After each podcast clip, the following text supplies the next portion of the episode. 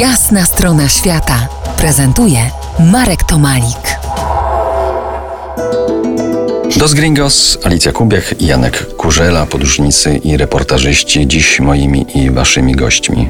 Rozmawiamy o ochronie przyrody w Dubaju, o zakrojonych na wielką skalę bardzo kosztownych projektach. Jeden z nich zakłada reintrodukcję wyginiętych gatunków zarówno flory, jak i fauny. Orykse, gazele, ptaki. To musi być bardzo żmudny, kosztowny, długofalowy proces. E, Tak, e, bardzo, bardzo kosztowny. E, Rozpoczął się w latach 70. e, i wtedy, ponieważ kiedyś na, na tamtejszych terenach żyło bardzo dużo właśnie zwierząt wcześniej wymienionych, te zwierzęta wyginęły, wyginęły przez, przez polowania, które są, prawda, dla Beduinów bardzo istotnym elementem ich kultury. Ale mm, na szczęście szejkowie zrozumieli, że trzeba zacząć dbać o, o florę i faunę. E, dlatego rozpoczęli właśnie mm, proces rewitalizacji. Jest to bardzo drogie, dlatego że chociażby same oryksy były sprowadzane z Ameryki, ponieważ już na terenie Dubaju nie było żadnego. E, Jest to mm, rezerwat z początkowych 27 km kwadratowych rozrósł się do obecnych 250. Jest absolutną chlubą e, szejków. Na terenie rezerwatu wszystkie zwierzęta są pod całkowitą ochroną.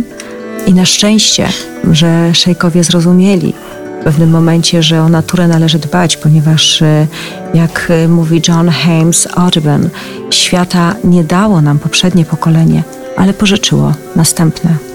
Al Maha Resort. Co to jest i dlaczego nocleg kosztuje tam 10 tysięcy złotych?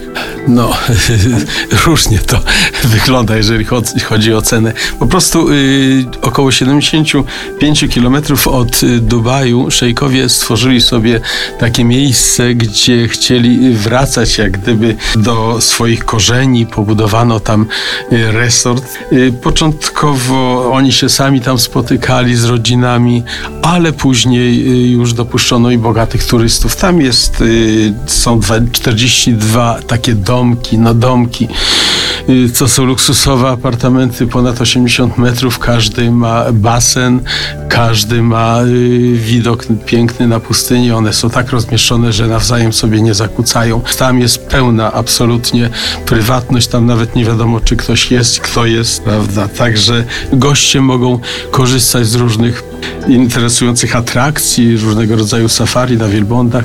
I co ciekawe, nie wolno tam przebywać dzieciom poniżej 12 lat, żeby nie zakłócać y, spokoju absolutnie innym.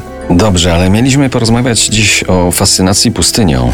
Za kilkanaście minut opowiemy o życiu Beduinów. Zostańcie z nami po jasnej stronie świata.